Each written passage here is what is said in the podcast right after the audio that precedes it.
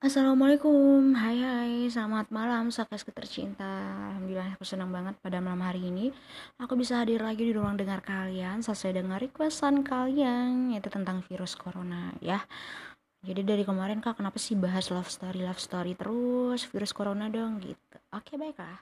Pada malam hari ini sesuai dengan segmennya tentang jurnalistik aku bakal bahas tentang virus corona. Yang udah aku kupas dari berbagai sumber informasi pastinya buat kalian semua oke? Sebelumnya aku ngucapin makasih banget buat kalian yang udah support podcastku dan udah berbagi informasi tentang podcastku. Dan aku bakal terus eh, berbagi informasi di podcastku untuk kalian semua oke? okay? Oke, baiklah. Sebelumnya salam sehat dan tetap semangat tentunya. Jangan stres ya. Tetap jaga kesehatan kalian dan tetap konsumsi eh, vitamin-vitamin atau suplemen imun lainnya supaya kalian bisa terhindar dari namanya virus corona. Ya, oke guys. Jadi uh, kita langsung aja ke topik pembicaraan kita yaitu tentang virus corona, right?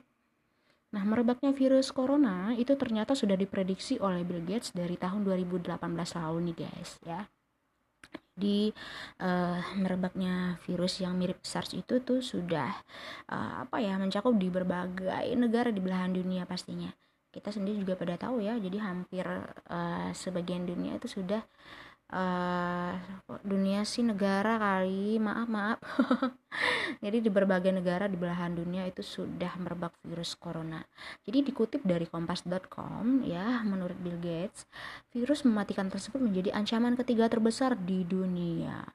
Wow Nah, perlu kalian ketahui nih, dua ancaman lainnya itu, itu adalah perubahan iklim dan perang nuklir. Jadi kalian bisa bayangin dong ya, kalau seandainya kalian hidup di zaman perang nuklir, apakah kalian masih bisa bersosial media ria pada hari ini? Ya, sampai hari ini maksudnya. Oke, dikutip dari Business Insider pada Senin 27 Januari 2020, Bill Gates mengatakan bahwa dunia harus mempersiapkan diri terkait dengan wabah tersebut. Nah, jadi pendiri Microsoft ini juga menyamakan wabah virus corona dengan wabah flu yang terjadi di tahun 1918. Uh, eh, itu beberapa tahun yang lalu gitu ya karena kita semua juga belum lahir sepertinya ya jadi pada kasus itu itu menewaskan jutaan penduduk bumi nih guys Nah, masa inkubasi virus tersebut antara 1 hingga 14 hari. Nah, kemungkinan nih, kata Bill Gates, jumlah kasus tersebut akan terus meningkat. Oke? Okay?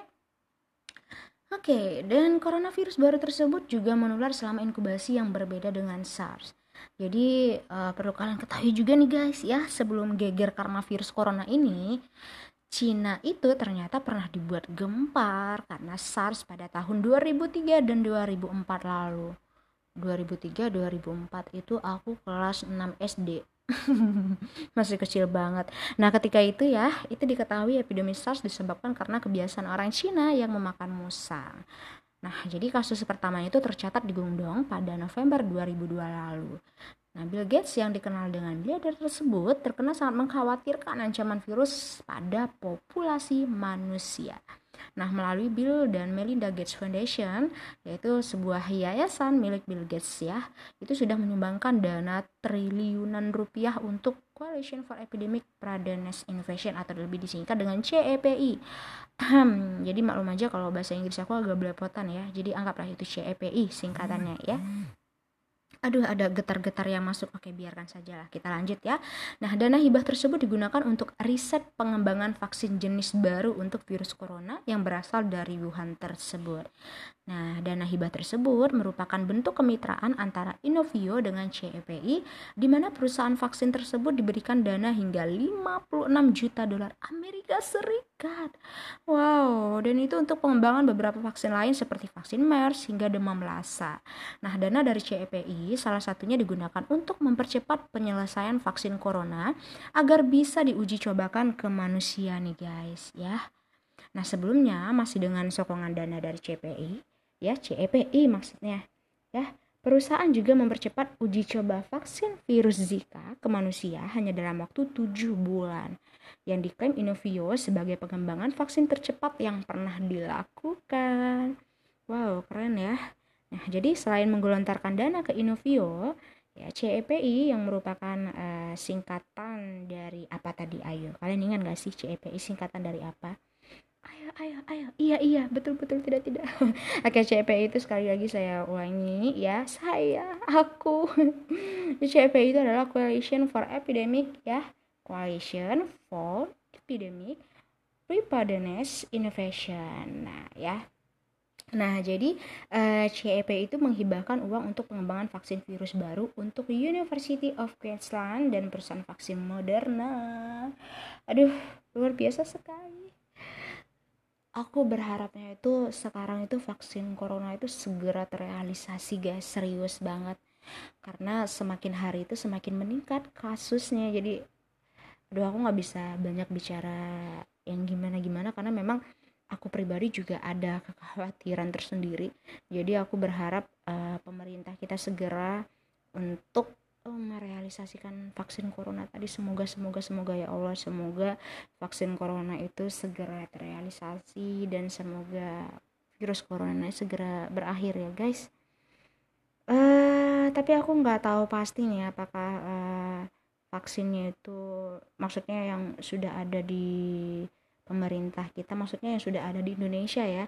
Maksudnya memang benarkah vaksin corona atau gimana? Aku belum dapat informasi yang lebih jelas. Tapi yang jelasnya sih aku berharap semoga pemerintah kita bisa mendapatkan uh, jalan keluar dengan mendapatkan vaksin untuk virus corona ini. Jadi banyak um, masyarakat yang tertolong dalam kasus ini. Karena memang per hari aku lihat tuh beritanya ada aja ada aja gitu yang uh, terkena positif ya yang meninggal juga gitu. Yang sembuh juga alhamdulillah ada. Cuma kan lebih berdampak kepada orang yang semakin hari itu semakin ada gitu yang kena gitu kan. Jadi aku berharapnya semoga pemerintah kita segera diberikan jalan keluar terbaik ya untuk kita semua dan semoga uh, pemerintah kita bisa mendapatkan vaksin corona untuk bisa memberikan uh, apa ya ya bisa memberikan janji sehat lah kasarnya untuk kita semua dan karena berharap memang ini semoga segera berakhir ya karena memang udah mau Ramadan juga. Jadi kita semoga bisa apa ya menikmati hari-hari dengan semangat ya. Amin amin ya Allah. Semoga semoga pemerintah kita uh, bisa segera mendapatkan vaksin untuk corona ini. Uh, kalau mungkin kalau bukan vaksin uh, mungkin apa ya mungkin bisa lebih gencar lagi lah untuk penyembuhan Eh, pasien-pasien uh, yang sudah terdampak COVID ini. Amin, amin. Dan semoga para tenaga medis juga lebih semangat lagi dan lebih kekuatan oleh Allah Subhanahu wa taala untuk tetap memberikan penyembuhan dan perawatan khusus kepada rekan-rekan dan masyarakat yang sudah terdampak Covid ya. Amin, amin ya rabbal. Oke okay guys, jadi uh, kita lanjut lagi ya. Pada awal bulan Desember 2019 lalu itu sejumlah pasien dengan penyakit uh, tidak dikenal itu berdatangan ke rumah sakit pusat Wuhan di Cina. Nah, jadi uh, mendiang Dr. Li Wenliang namanya itu sempat menyampaikan kabar buruk itu di media sosial.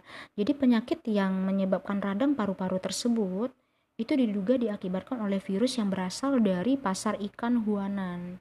Nah, yang juga menjual binatang liar di sana. Nah, setelah memasuki tahun 2020, otoritas Cina ya uh, apa ya? Umumkan sebuah virus corona jenis baru. Nah, jadi korban meninggal berjatuhan hingga ribuan dan pasien di luar Cina juga dilaporkan semakin banyak. Nah, WHO telah menetapkan wabah corona ya atau COVID-19 ini sebagai pandemi global dan meminta semua komunitas dunia bekerja sama untuk mengakhiri masa-masa sulit ini. Nah, guys, seperti yang aku bilang tadi ya, uh, kita tidak berharap di Indonesia saja tetapi di seluruh dunia. Para pemerintah di seluruh dunia masing-masing negara juga semakin gencar untuk uh, memerangi virus ini dan mendapatkan uh, pelayanan medis dan mendapatkan apa ya yang saya berharapnya itu saya lagi. Aku kebiasaan. Aku berharapnya itu uh, segera ada uh, apa ya istilahnya tuh seperti penangkal untuk virus corona ini ya.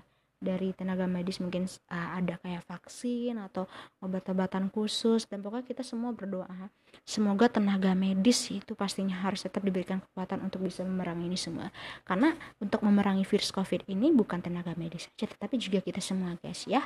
Nah jadi coronavirus uh, ini itu telah uh, memorak-porandakan dunia ya, tanpa terkecuali ya Indonesia Lalu pertanyaan kita, kapan pandemi ini akan berakhir di tanah air? Nah, ini informasi buat kalian nih guys. Pakar matematika dari UNS Solo yaitu Bapak Sutanto Sastrareja itu memprediksi pandemi global ini akan mencapai masa puncaknya di Indonesia pada 11 Mei 2020. Nah, sementara penurunan kasusnya diperkirakan baru akan terjadi 10 Juni mendatang. Kita aminkan sama-sama ya. Amin, amin, amin ya rabbal alamin.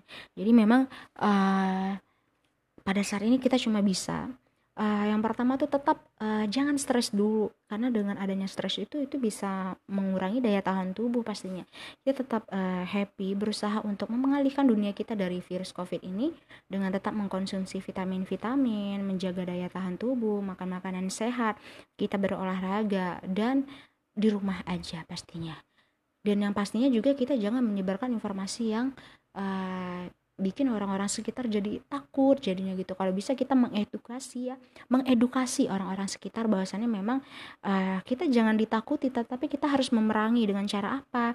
Ya itu tadi yang seperti aku sampaikan ya kita harus jaga kesehatan tetap happy tetap uh, jaga makan dan jaga daya tahan tubuh gitu. Dan kita tetap berdoa semoga pemerintah kita ya semoga pemerintah kita itu bisa memberikan yang terbaik buat kita semua. Dan kita doakan juga pemerintah kita tuh semakin gencar bersama para tenaga medis untuk memerangi virus corona. Dan kita sebagai masyarakat kita harus tetap mematuhi peraturan pemerintah. Kalau misalkan disuruh di rumah aja di rumah aja. Jangan uh, keluar. Kalau nggak penting-penting banget nggak keluar. Kalaupun harus keluar tuh pakai masker ya. Jangan lupa tetap jaga kesehatan. Oke okay, guys. Selamat malam. Bye bye wassalamualaikum Um,